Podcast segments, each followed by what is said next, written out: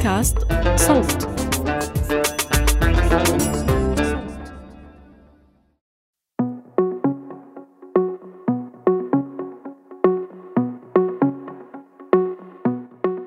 مش من فترة طويلة وبقعدة أصحاب سمعت عن إمكانية شراء جواز سفر.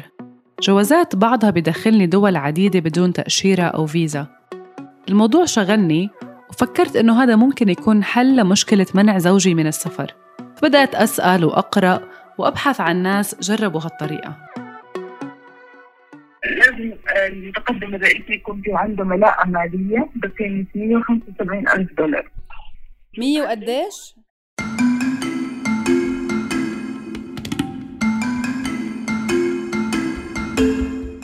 مرحبا أنا سارة أبو الرب. في حلقة اليوم من خرائط اللامكان رح نشوف لو شراء جواز السفر ممكن يكون حل لأصحاب الجوازات المعترة أمثالي ليلاقوا مكان بعطيهم الأمن والاستقرار على هالخارطة. رح نسمع قصة الفلسطينية مريم واليمني عبد الرحمن اللي لجأوا لشراء جوازات السفر لنيل حريتهم في التنقل أو ليشتروا حريتهم حرفياً. كل الناس بهمهم إنه يكون عندهم مستقبل أحسن لإلهم ولأولادهم ولعائلتهم بدون ما يسافروا ويهاجروا. وهلأ في طرق إنك أنت تجيب جواز سفر تاني من غير ما تتحرك من البلد اللي أنت فيه. التكلفة النهائية بتختلف حسب عدد أفراد الأسرة وأعمارهم. من مميزات حصولك على باسبور دولة سانت كيتس ونيفيس إنه بيكون جاهز وفي إيدك في خلال تسعة شهور. للاستمتاع بمميزات منها السفر بدون فيزا حول العالم وتوسيع قاعدة أعمالهم.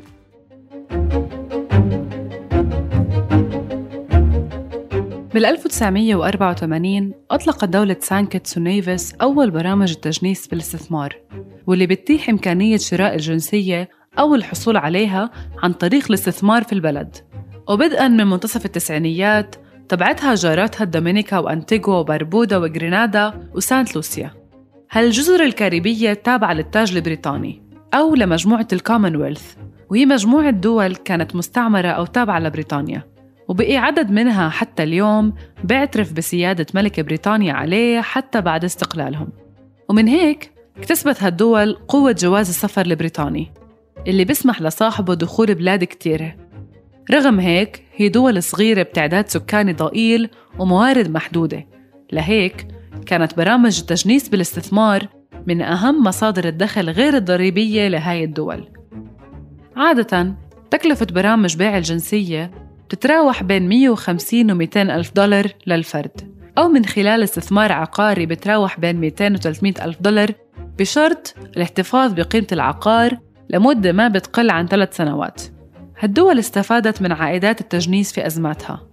في الدومينيكا مثلاً استخدمت عائدات البرنامج لإعادة الإعمار وأعمال البنية التحتية بعد إعصارين مدمرين ضربوا البلد بسنة 2015 وسنة 2017 لاحقاً صرنا نشوف دول عديدة بتبيع جنسياتها مثل تركيا والأردن ومصر وقبرص حتى لو ما كانت جوازاتها قوية.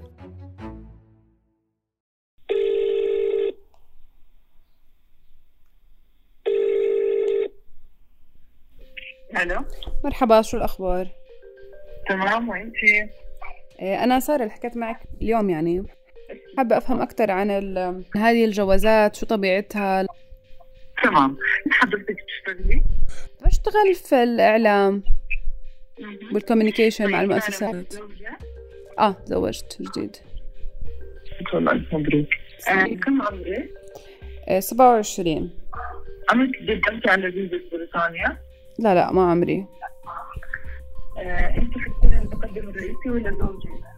لازم آه، المتقدم الرئيسي يكون في عنده ملاءة مالية بقيمة 175 ألف دولار. بالبنك. آه إحنا معنا المبلغ بس بدي أعرف بالضبط التكلفة الإجمالية بس ثواني شوي من فضلك.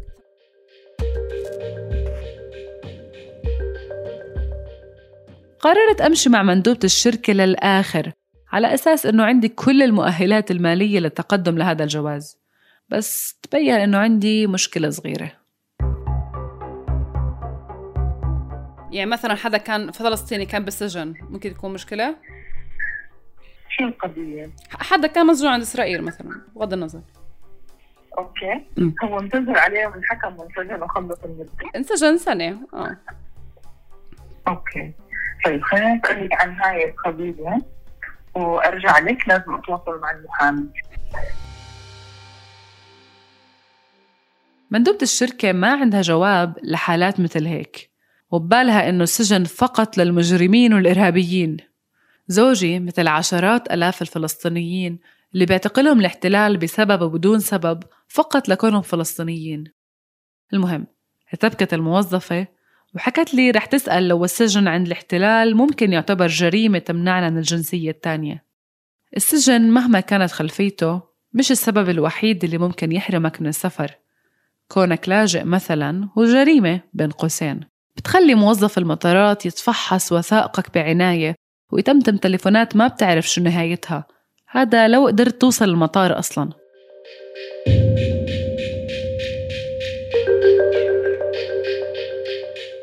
وثيقة سفر اللاجئين الفلسطينيين.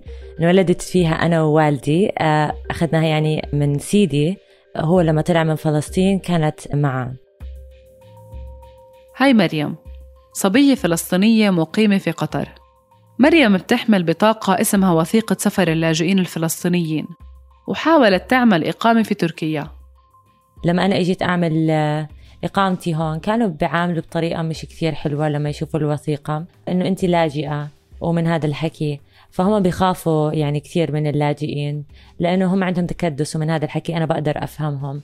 لما أنا كنت بقعد أكثر من ست شهور بالوثيقة كانوا يبهدلوني في المطار. سنة 1955 أصدرت الجامعة العربية قرار بيمنع الدول من السماح بالجمع بين جنسيتين عربيتين بحجة الحفاظ على هوية اللاجئ الفلسطيني وحقه بالعودة إلى بلاده التي هجر منها بعد النكبة. فمنحت دول زي سوريا ومصر ولبنان والعراق وثائق سفر للفلسطينيين اللاجئين عندهم بهدف استخدامها للتنقل والسفر بين الدول فقط. بوقتها كانت مصر بتدير قطاع غزة بدون ما تضمه رسميا لإلها. وبهيك حصل أهالي غزة اللاجئين على وثائق سفر مصرية لا بتعطيهم حق الإقامة في مصر ولا بتسمح لهم يدخلوها بدون تأشيرة. للأسف هاي الوثيقة وقلتها واحد مش مفيدة أبدا. معظم الدول ما بتعترف فيها وبتتغير إمكانية حصول حاملها على التأشيرة لدخول بلد معين تبعا للوضع السياسي. لأنه كان دايما في خوف من توطين اللاجئ الفلسطيني في الدول المضيفة. امتيازاتها الوثيقة معدومة ومع هيك شروط تجديدها والحصول عليها تعجيزية. مثلا لإصدار وثيقة سفر مصرية. بيلزم مراسلات مع الجهات المعنية بتستغرق بالمتوسط 8 أسابيع. وبعدها في كمان 8 أسابيع بالمعدل حتى تصدر. صاحب الوثيقة لازم يحضر شخصيا للقنصلية. بعد ما يعبي استمارة ويستوفي شروط التقديم أو التجديد. ولازم يكون معه خطاب من أقرب سفارة بأكد إنه ما معه وثائق سفر أو جنسيات أخرى. والأهم لازم يقر إنه ما معه أي تصريح بمكنه يرجع على غزة. مريم وإخوتها وأخواتها الستة ما بيقدروا يرجعوا لغزة. ربيوا وعاشوا في قطر وما شافوا فلسطين غير بالقصص والصور. لما كبروا وبدوا يدخلوا الجامعة صارت الأمور تتعقد أكتر وأكتر. وصار الأم والأب مهمومين بتأمين جنسية لأولادهم خاصة إنه خيارات الدراسة انحصرت وانحرمت مريم واثنين من إخوتها يكملوا دراستهم في تركيا. تركت الجامعة طبعا ما قدرت لأنه آه، سكرت كل الفرص قدامنا. وقعدنا يعني ست شهور من مكان لمكان ومن محامي لمحامي. للأسف الجامعة ما قدروا يساعدونا بإشي علما بأنه هم اللي بيكونوا مسؤولين على الإقامات آه، للطلاب. ولكن في حالتنا إحنا أو اللاجئين الثانيين الحامدين وثائق السفر للاجئين بيعمل هم وثائق الإقامة تاع تركيا لحالها.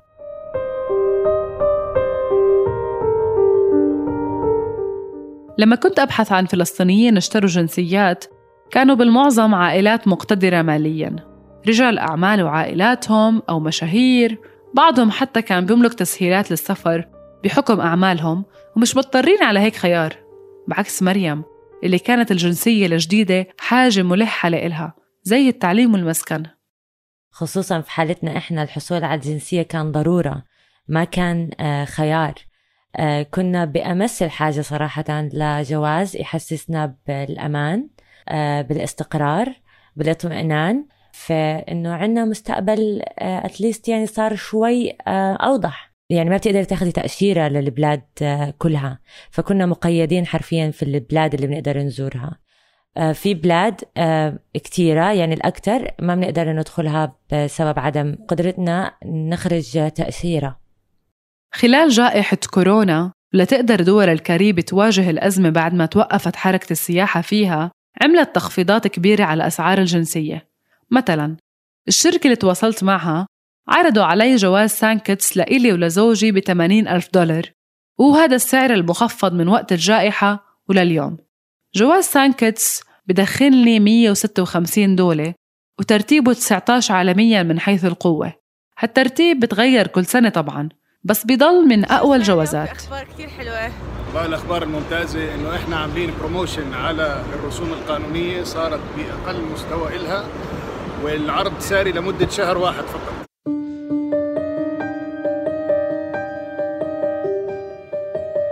فترة الجائحة زاد الإقبال على هالجوازات.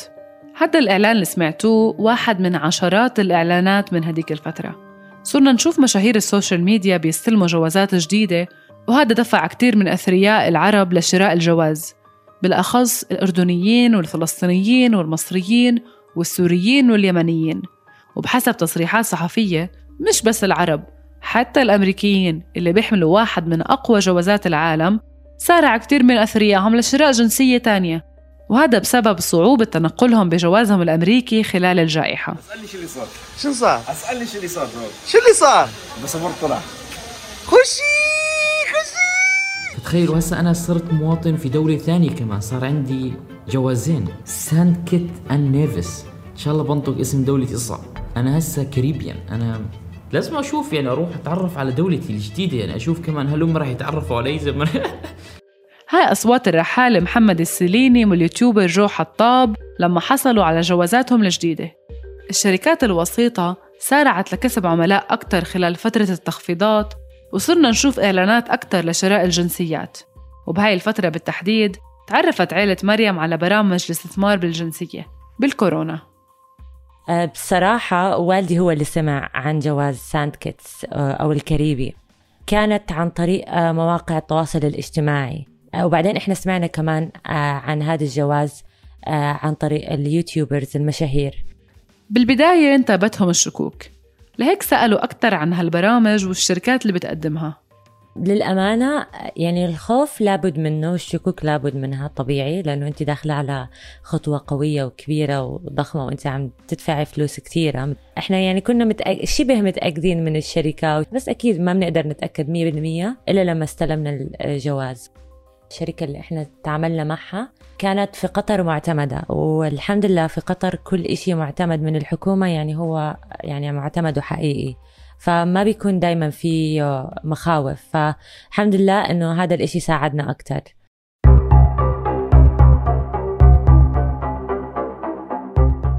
رغم هيك المخاوف بتضل موجودة. مثلا بيذكر تحقيق صحفي على صحيفة العربي الجديد إنه في شركات بتقنع العملاء بإنهم رح ياخدوا الجنسية عن طريق الاستثمار العقاري وبتمنحهم صك بثبت حصة في ملكية عقار تصدره شركة محلية. بس هالعقار ممكن يكون وهمي أو ملكيته لمصارف محلية وبحسب التقرير بتحارب الدول الكاريبية هاي الشركات وبتسحب جوازات سفر عملائها. بس ليش مثلا ما بتسلم الحكومة ملف التجنيس بدل الوسطاء؟ ما لقيت جواب. تحقيق ثاني لقناة الجزيرة بسنة 2019 أثبت تورط سياسيين في دومينيكا ببيع جوازات سفر دبلوماسية لأثرياء ومجرمين مقابل مساعدتهم في حملاتهم الانتخابية. قال لي تعرف طلعت نصب الشركة هذه طلعت نصابة وهذا قلت إيش؟ قال أخذوا المصاري وخلاص ما في غير السنتين الذي راحت فقط. هذا رجل الأعمال اليمني عبد الرحمن. واحد صاحبي قال لي ليش تغلب حالك؟ هو دائما يروح على ألمانيا. قال لي أنا أخذت فيزا لمدة 15 سنة بعشرة ألف يورو. أخذها عن طريق جريس. قلت له والله قال لي والله وأروح وأجي زي ما بدي. قلت له بس هذه فيها مخ يعني مخاوف أو شغلة ما كأنها مش رسمية. قال لا والله وسافرت فيها عدة مرات. والله قلت له هذا حظك يعني كويس. بس ما رضيت أنا أعمل هاي الشغلة. قلت له لا لأني أنا باخذ جنسية أبدية يعني جنسية للأبد لي ولأولادي. فبعدين والله بعد ثلاث سنوات لقيته وقال لي أنت عارف طلعت نصب الشركة هذه طلعت نصابة وهذا. قلت إيش؟ قال أخذوا المصاري وخلاص ما في غير السنتين الذي راحت فقط. عبد الرحمن بيحمل جواز سفر يمني. اللي بيوقع في ذيل الجوازات من حيث القوة. بيحتاج تأشيرات لمعظم دول العالم. والنزاعات السياسية المستمرة بتخلي حتى الحصول على تأشيرة موضوع صعب. ولهيك قرر يشتري جواز سفر سانت كيتس ونيفس ليتنقل بسهولة ويضمن مستقبل أهله وأولاده. قبل الحرب كان يجيبوا لي الفيزا لمدة ثلاث سنوات أو maximum خمس سنوات. كانت آخر فيزا معي تنتهي في 2014 في 2015 حصلت الحرب عندنا جيت على الأردن فكرنا وقلنا نروح على ألمانيا. قدمت على السفارة الألمانية كان في صعوبة كثير. رجعت على السفارة الفرنسية وجابوا لي الفيزا لستة أشهر فقط. فسافرت قعدت شهر ونص هناك ورجعت. بعدين حسيت بالصعوبة. يعني إذا واحد بده يسافر بيكون في شغلة صعبة. يعني مش سهل. بدل ما يدفع حوالي مئة ألف دولار بدون أي عائد قرر عبد الرحمن يستثمر في شركة في الدومينيكا. في عندنا مثل يقول الذي بده المية يخسر التسعين. قالوا بيكون سعر الجواز مئة ألف دولار. أنا ما اشتريت الجواز أنا اشتريت استثمار في الدومينيكا. فأخذت الجنسية أنا وزوجتي وأولادي وطبعا أنا بين عول الوالد والوالدة كنت فجابوا لهم الجنسية عن طريقي. آه، مع الاستثمار يعني بيطلع استثمار وقيمة جوازات وهذا في حدود 400 ألف. المبلغ كبير بس في آه، عائد سنوي بيجي. يعني استثمروا لي في آه، شركة كامبنسكي العائد طبعا شيء رمزي في السنة بس المقصود منه بعد فترة خمس سنوات بقدر أبيع المشروع. يعني بعد خمس سنوات الآن إن شاء الله في 2023 آه، أبيع الاستثمار تبعي ويمكن يرجع لي أكثر من النص اللي أنا دافعه. مستقبل الأولاد وسلامة الأهل. هن الشغل الشاغل لعبد الرحمن. كان بده طريقة يضمن فيها تعليم قوي ومعيشة آمنة لأولاده ورعاية صحية وعلاج ملائم لأهله. الوالد دائما والوالدة بأخذهم دائما على فحوصات على أوروبا بالذات على ألمانيا كل سنة يعني فحوصات آه، سنوية. بس بعد ما حصلت الحرب وتقفلت الأمور علينا وكل شيء بدأت أخاف. يعني بالذات يعني الوالد لا تعب لا سمح الله ولا شيء صعب إنه يكون سفره. الشغلة الثانية والله عشان مستقبل أولاد. يعني الآن الأوضاع السياسية دمرت البلد نهائيا. يعني عندنا اليمن, الآن من سيء إلى أسوأ. ولا في واحد يكون معه يعني المجال إنه يعطي لأولاده فرصة إنه يروحوا يشتغل يدرسوا في الخارج يشتغلوا في الخارج. يعني كويس. أما إذا كان بدون هاي الشغلة والله بيقعد صعب. يعني صعب القعدة في اليمن. بشوف ناس حالتهم تعيسة جدا في اليمن. يعني حتى في معهم مصاري بس ما بيقدروا يسافروا. لأنه بيقول لك الخوف من اللجوء. الناس اللي قابلتهم ما كانوا يفكروا بدول الكاريبي كملجأ من الأزمات السياسية أو الاقتصادية اللي بيعيشوها. بالنسبة لهم كل فكرة الجنسية هي وسيلة ليدخلوا ويقيموا في دول تانية أكثر استقراراً. طبعا كنت أحاول قبل 2014 يعني أول ما جاني المواليد أول مولود جاني محمد ابني في 2004 وملاك في 2008 وهيثم في 2012 يعني كنت بحاول إني أسفرهم برا علشان آخذ الجنسية. ما كان أقدر ما كان في معي مجال. فأول ما طلعت الفكرة تبع الجنسيات هذه والله قلت لك يعني حلو هذه للأولاد كاستثمار إنهم يعيشوا مرتاحين. يعني إذا بدهم يسافروا ويدرسوا هذه حاجة كويسة لأنه عندنا الدراسة بالذات انت عارفه يعني لما واحد يطلع ويقدم على جامعة ولا شيء بيكون صعوبة صعوبة كثير لأنه يخافوا من الأمور المالية ويخافوا من اللجوء ويخافوا من هذه الحاجات. بس الآن لا كويس الحمد لله. يعني الآن ابني إن شاء الله يخلص هذا السنة الثانوية وإن شاء الله ببعثه على ألمانيا يروح يدرس هناك. عملية الحصول على جنسية الكاريبي بتستغرق من ثلاث لست شهور بالمعدل. بيخضع خلالها المتقدم لفحوصات أمنية وبنكية للتأكد من خلو سجله من أي جرائم. وامتلاء حسابه البنكي بالأموال طبعاً. بده يكون واحد يعني صريح ما يخبي شيء. دولة بدها إنه يكون هاي الفلوس تبعك صحيحة ما مش إنك آخذها كديكور يعني إنك تأخذها بس قدامي إنك في معك مصاري لا. عبد الرحمن متعهد أعمال. وكانت أغلب مشاريعه في السعودية. بس بعد الحرب صار العمل في السعودية ونقل البضائع أصعب. وهذا أثر على استقرار حسابه البنكي. يعني وقف الحساب كان شبه راكد بالذات مع لو أني سافرت. فقدمت لهم أنا تبع ستة شهور وجبت لهم تبع قبل الحرب لأنه بدهم يشوفوا كيف كان وضعي المالي قبل الحرب. لأنه بعد الحرب أنا في 2018 أنا قدمت في 2018 كان كل شيء راكد ما في شيء. فشافوا حركة الحساب كان كل شيء تمام في معي دفاع مستلمة من السعودية لأنه أنا كنت تبع الطرق الريفية تبع المقاولات. كانت تجي لي دفاع آه، يعني تبع مستخلصات تجيني دفعة مقدمة. فكان الشغل كويس. بعدين حصلت الحرب وقف الحساب تماما. ما في إلا الاستخدام الشخصي.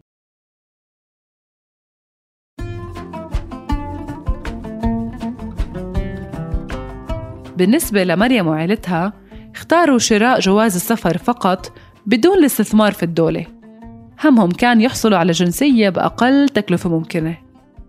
في وقتنا كان فترة كورونا فأخذ منا تقريبا 8 شهور. آه، الإجراءات كانت كتير من الأوراق والإثباتات الشخصية ومنها صور شخصية صور للجواز وفحص طبي كشف حساب يؤهل صاحبه على الحصول على الجنسية مثل وديعة في البنك أو راتب قوي. والتكلفة كانت بتختلف أكيد من ملف لملف ومن حالة لحالة ومن عدد لعدد. لكن إحنا في حالتنا كنا ست أولاد مع أم وأب فكلفنا ما يقارب 250 ألف دولار. إجا اليوم الموعود لمريم وعبد الرحمن. يوم استلام جواز السفر الجديد. الشركات اللي بتقدم هاي الخدمة عادة بتحتفل مع عملائها يوم استلام الجوازات. وبتقدم لهم الجوازات في علب فاخرة جنب قالب كيك وشوية زينة وبلالين وموسيقى احتفالية.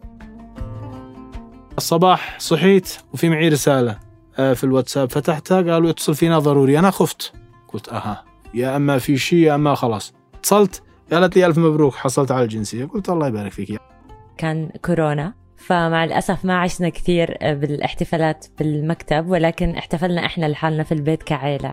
والله ما خلينا شيء ما عملناه حرفيا. أنا بتذكر مسكت الجواز قعدت أتصور جنبي يعني كان كأنه هيك فرحة انت بتستنيها الشعور الفخر العدم الخوف إنه الحمد لله وصلنا لهالمرحلة. آه، الحمد لله آه، بنقدر نعمل اللي بدنا إياه كأنه بواب انفتحت فكان إشي بجنن صراحة احتفال رائع كان عندنا في البيت. من زغاريت من كيك من كنافة طبعا. وحقيقة كان كل حد بيتصل يبارك لنا كأنه جينا مولود جديد. كأنه كان عيد. اللي قابلتهم من اللي اشتروا جوازات السفر اللي وافقوا على نشر مقابلاتهم واللي ما وافقوا كلهم شعروا بنوع من الرهبة والشك لما سافروا بجوازاتهم الجديدة لأول مرة. رغم كل الانتظار والمبالغ اللي دفعوها ضلوا لآخر لحظة جاهزين للمفاجآت أو خيبات الأمل. وهذا اللي اعتاد عليه العربي في ترحاله. احتمالية الترحيل أو الاحتجاز أو المنع من العبور عند أي نقطة.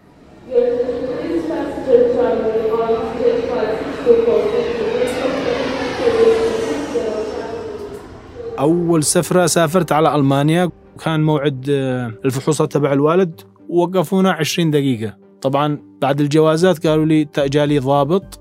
أخذ الجوازات قال لي تعال لو سمحت أنت ووالدك تعال. وقعدونا في كراسي. ودخلوا. والوالد بعدين بيقول لي قال لي شو يا ابني هذا؟ يمكن فيها تزوير وما تزوير. قلت لا لا ما في تزوير. بدأ الخوف عندي والله. قعدت 20 دقيقة شفت الضابط جاء عندي جاب لي الجوازات مختومة قال لي تفضل وأهلا وسهلا فيك في ألمانيا. الرحلة الأولى بالنسبة لمريم كانت للمكان اللي لطالما حلمت تزوره فلسطين. لكن رغم استلام الجواز بضل في شعور رهب صغير إنه ممكن ترجع أو تنحجز تتفتش تتوقف أو تنمنع. على عكس المتوقع عدت الأمور على خير. دخلت مريم وعيلتها فلسطين لأول مرة ووثقت مريم الرحلة على قناتها في يوتيوب with meme.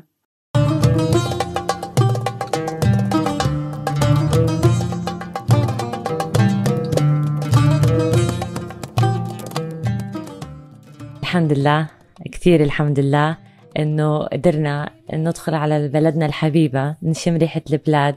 أول مرة بحياتي أدخلها. ووالدي كانت أول مرة في حياته من بعد ستين سنة بجوز. كانت رحلة تقشعر لها الأبدان. كانت رحلة مستحيل تتنسى. كانت مميزة جدا. أنا هلأ حكيت ودمعت صراحة لأني تذكرت كيف كانت. كانت كأنها حلم. إحنا رحنا أربع أيام. مع الروحة والرجعة أربع أيام. فإحنا حاولنا نزور قد ما نقدر آه، مناطق. رحت على القدس بيت لحم الولجة آه، رام الله نابلس حيفا يافا الرملة طبرية والناصرة وكمان يعني كتير أماكن لأنه كنا بنروح بنوقف هيك يعني بنقعد ساعة في كل منطقة وبنمشي عرفتي؟ فبس كنا بدنا نعرف كل منطقة فلسطين كيف هي.